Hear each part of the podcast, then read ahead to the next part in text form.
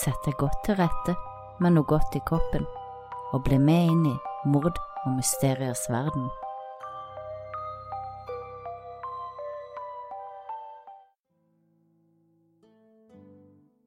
Familien Pelly bodde i et rolig boligstrøk i Lakesville, Indiana USA, med kirka som en av sine nærmeste naboer. Familien på syv besto av far og pastor Bob Pelly, hans to barn Jesse og Jeff, hans kone Dawn og hennes tre døtre, Chanel, Jolene og Jessica. Bob og Dawn gifta seg i 1986. Bobs kone, Jesse og Jeffs mor, hadde gått bort av kreft ett år tidligere, i 1985, og Dawns ektemann, far til hennes tre døtre, hadde gått bort i en ulykke omtrent samtidig. Nå bodde Bob og Dawn sammen, og forsøkte å få hverdagen til å gå så normalt som mulig. Det var ingen hemmelighet at Bobs barn ikke gikk veldig godt overens med sin nye stemor, og de var stadig i konflikter med sin far, som disiplinerte dem med ris om de ikke fulgte hans regler, og de var det mange av, ifølge Bobs datter Jessie. Dawn og Bob hadde også delte meninger om hvordan barna skulle oppdras, noe som ofte førte til en del krangling i hjemmet. Før Bob ble pastor, arbeidet han i en Florida-bank, kjent for å være involvert med narkolangere. En kveld hadde Bob blitt oppringt, ganske sent, og bedt om å komme ned på arbeid. Bob var IT-ansvarlig i banken, og fikk der beskjed om at noen hadde tappet banken for én million dollar. Bob arbeidet tett med etterforskerne for å prøve å finne de som sto bak. Kort tid etter denne hendelsen følte Bob at Den hellige ånd kalte på ham. Han tok jobb som pastor i en liten kirke i Lakesville, Indiana, hvor han bosatte seg sammen med Dawn og barna. Søndag 30. april 1989 mottok politiet Lakesville en bekymringsmelding halv ti om morgenen. Da Bob og kona Dawn ikke hadde møtt opp til gudstjenesten, og ingen fikk kontakt med dem på telefon, så hadde et par av de eldre fra kirken oppsøkt dem i hjemmet deres. Ingen hadde åpnet dørene, og alle vinduene var trukket for, noe som var svært uvanlig for familien. Bilene deres sto i oppkjørselen. De eldre hadde funnet Pelly-familiens reservenøkkel og låst seg inn i huset. Der fant de Bob i gangen i andre etasje, skutt og drept. De eldre ringte politiet umiddelbart.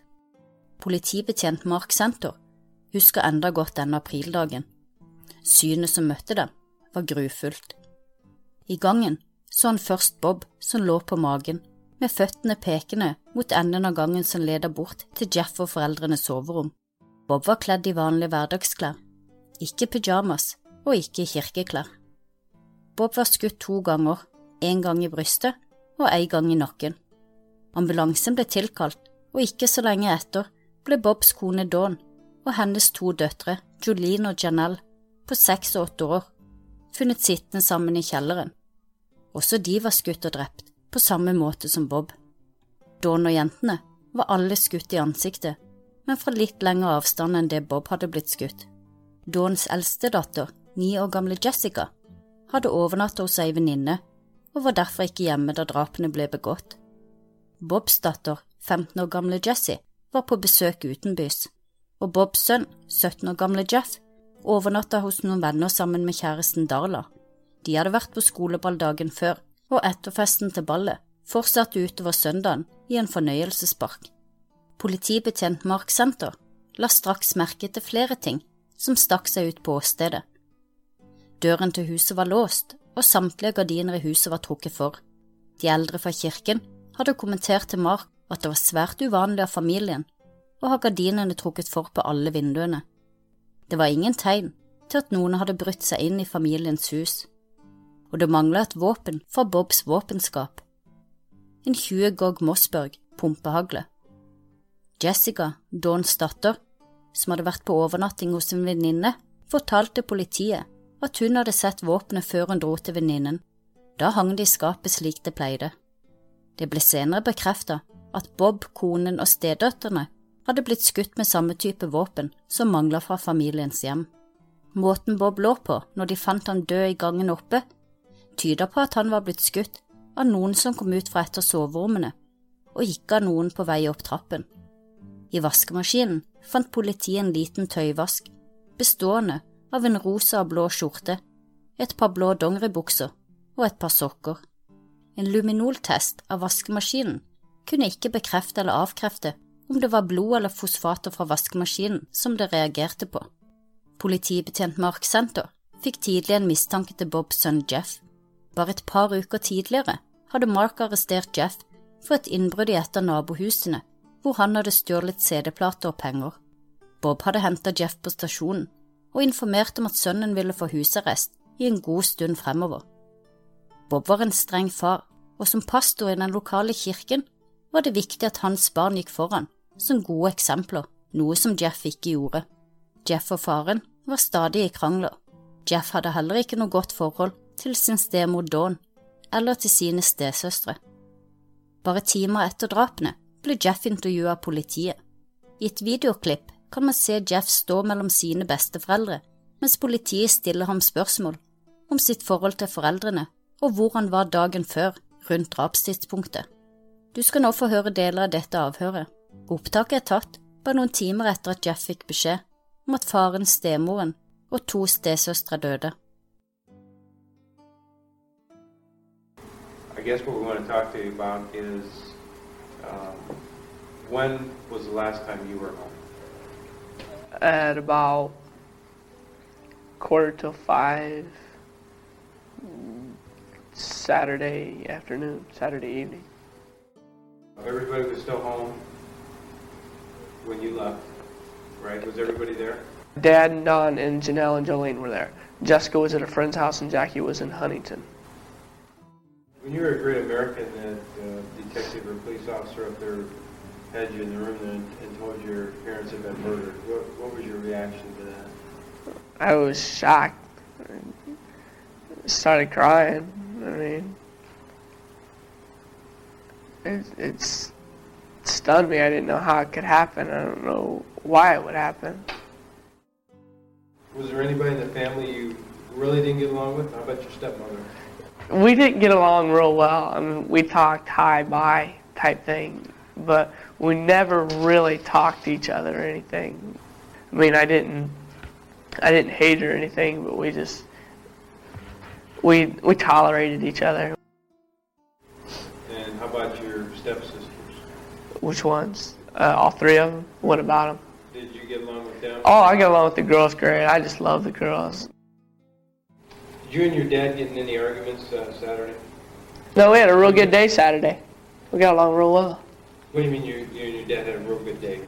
Saturday we didn't argue at all. Um, it was, he was really.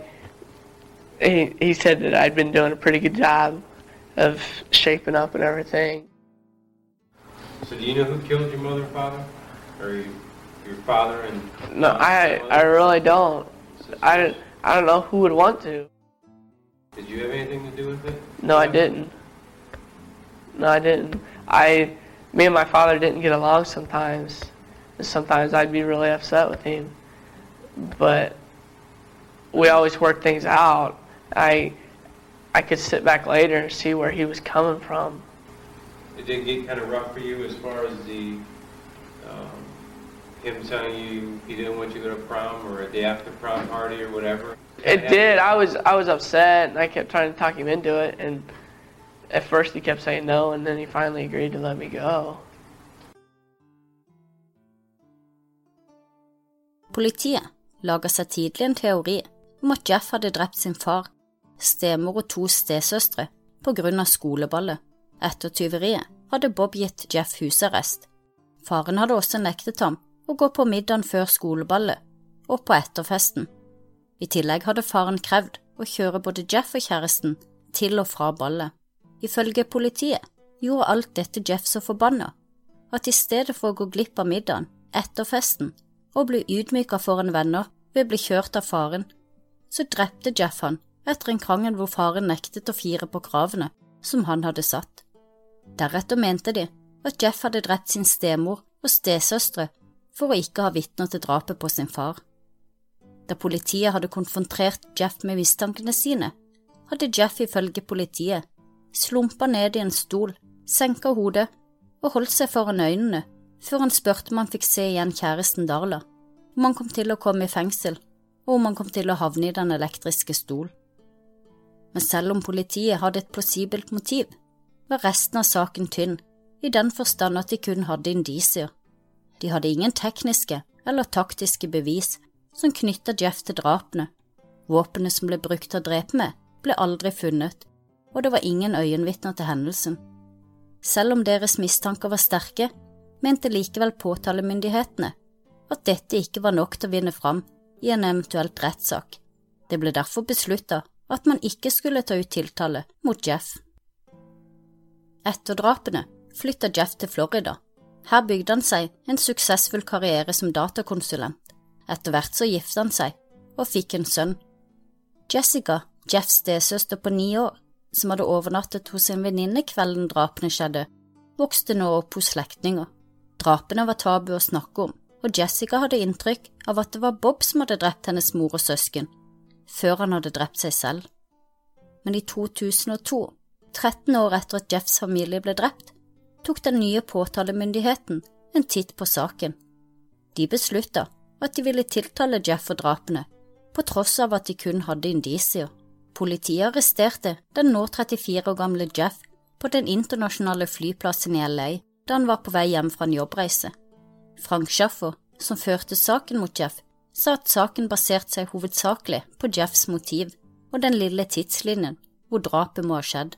Rettssaken mot Jeff starta i 2006, og det ble lagt fram en detaljert tidslinje om hva som hadde skjedd i timene før drapene, og vitner som bekrefter at drapet måtte ha skjedd i en tidsperiode på 20 minutter, mellom klokka fem og ti på halv seks lørdag ettermiddag.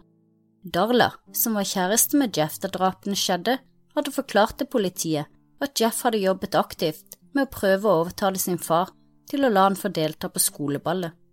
Faren hadde til slutt gått med på at han kunne delta på selve skoleballet, på den betingelsen at faren kjørte Jeff og Darla. Ikke så lenge etter fortalte Jeff til Darla at faren hadde ombestemt seg nok en gang, og at Jeff nå fikk lov til å delta på ballet, inkludert middag og etterfest, og at han i tillegg fikk kjøre på egen hånd. Jeff hadde også bedt Darla om å ikke gjøre noe nummer ut av det, da det hele var et ømtålig emne for familien. Dette var i sterk kontrast til fem andre vitner som hevda at Bob var fast bestemt helt fram til samme dag som skoleballet på at sønnen kun fikk delta på hoveddelen av ballet, og at han selv skulle kjøre sønnen til og fra. Dagen for skoleballet, lørdag 29. april 1989, hadde Jeff gått på arbeid som vanlig.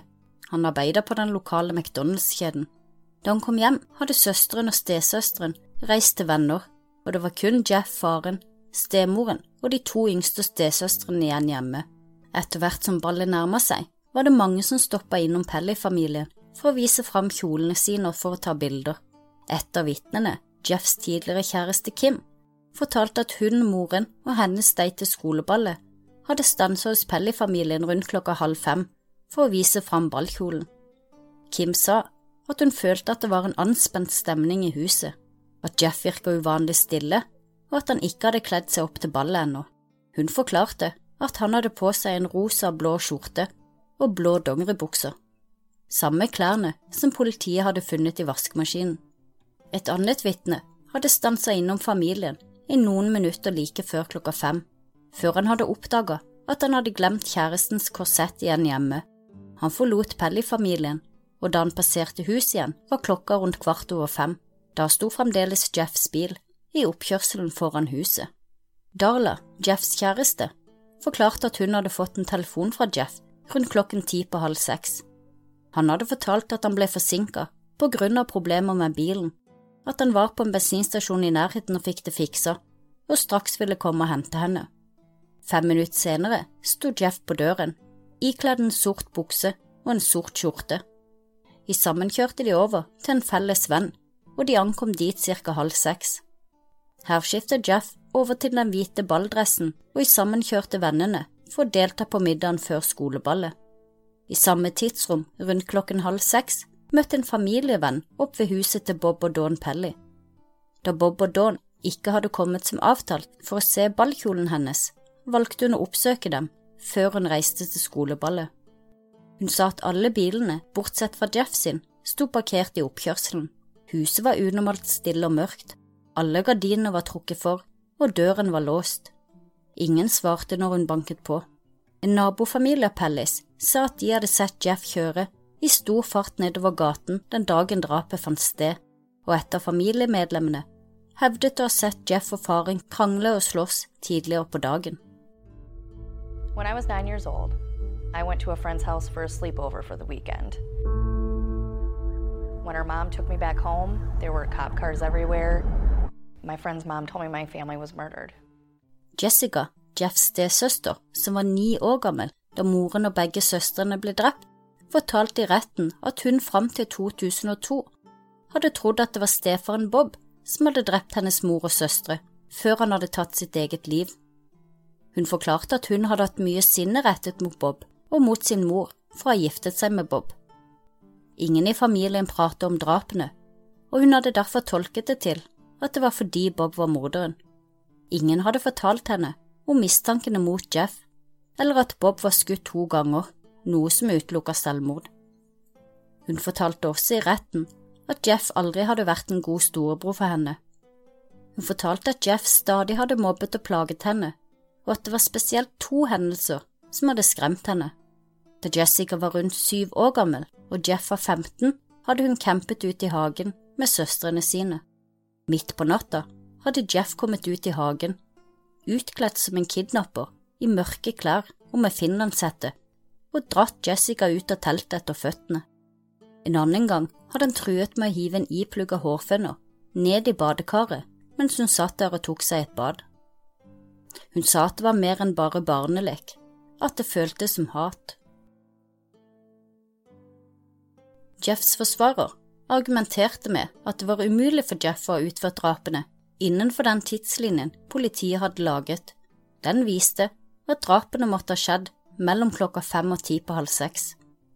Forsvareren sa at det var umulig for en tenåring å drepe fire familiemedlemmer, putte klærne i vaskemaskinen, ta en dusj, kle seg, plukke opp hylsene fra gulvet, trekke for alle gardinene, låse døren og så kvitte seg med våpen og hylsene på kun 20 minutter, for deretter å delta på middag, skoleball og etterfest, tilsynelatende helt uanfektet.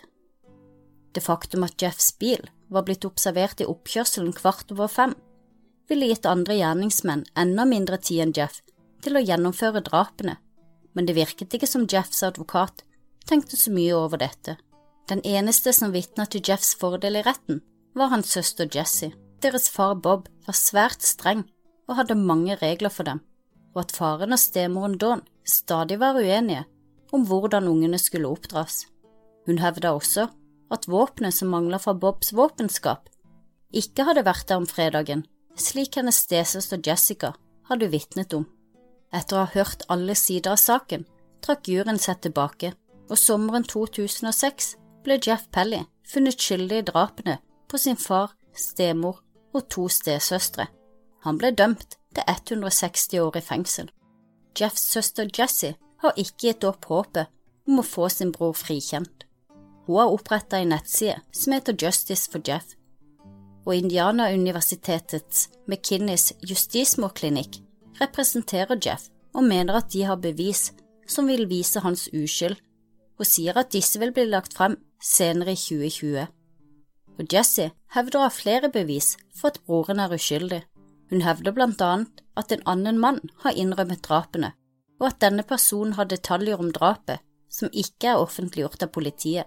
Hun hevder også at faren Bob mottok dødstrusler bare uker før drapene, og hun hinter mot hans involvering i etterforskningen i banken han tidligere arbeidet som en årsak til at familien ble drept. Men de aller fleste er overbevist om at dommen er riktig og at Jeff er morderen. Selv om drapsvåpenet aldri er funnet og politiet ikke har tekniske bevis som knytter Jeff til drapene, er likevel tanken på at noen utenforstående skal ha kommet inn og gjennomført drapene i den korte tidsrammen uten motiv, som en enda mindre troverdig forklaring enn at Jeff som hadde motiv, tid og mulighet, er den skyldige. I USA er skoleball en stor begivenhet, og selv om det virker absurd at noen dreper hele familien sin for å kunne delta på et skoleball, er det slett ikke umulig. Mennesker har drept for mindre grunner enn dette, og kombinert med et allerede oppbygd hat mot sin fars stemor og stesøsken, og et sterkt ønske om å få være fri til å delta på alle skoleballets festligheter, virker det å ha vært grunn god nok for Jeff til å utslette hele familien. Jeffs stesøster Jessica er helt overbevist om at Jeff er morderen, og er glad han nå soner sin straff. I dag lever hun videre vel vitende om at hvis hun ikke hadde overnattet hos sin venninne den aprilkvelden i 1989, hadde antageligvis også hun vært død den dag i dag.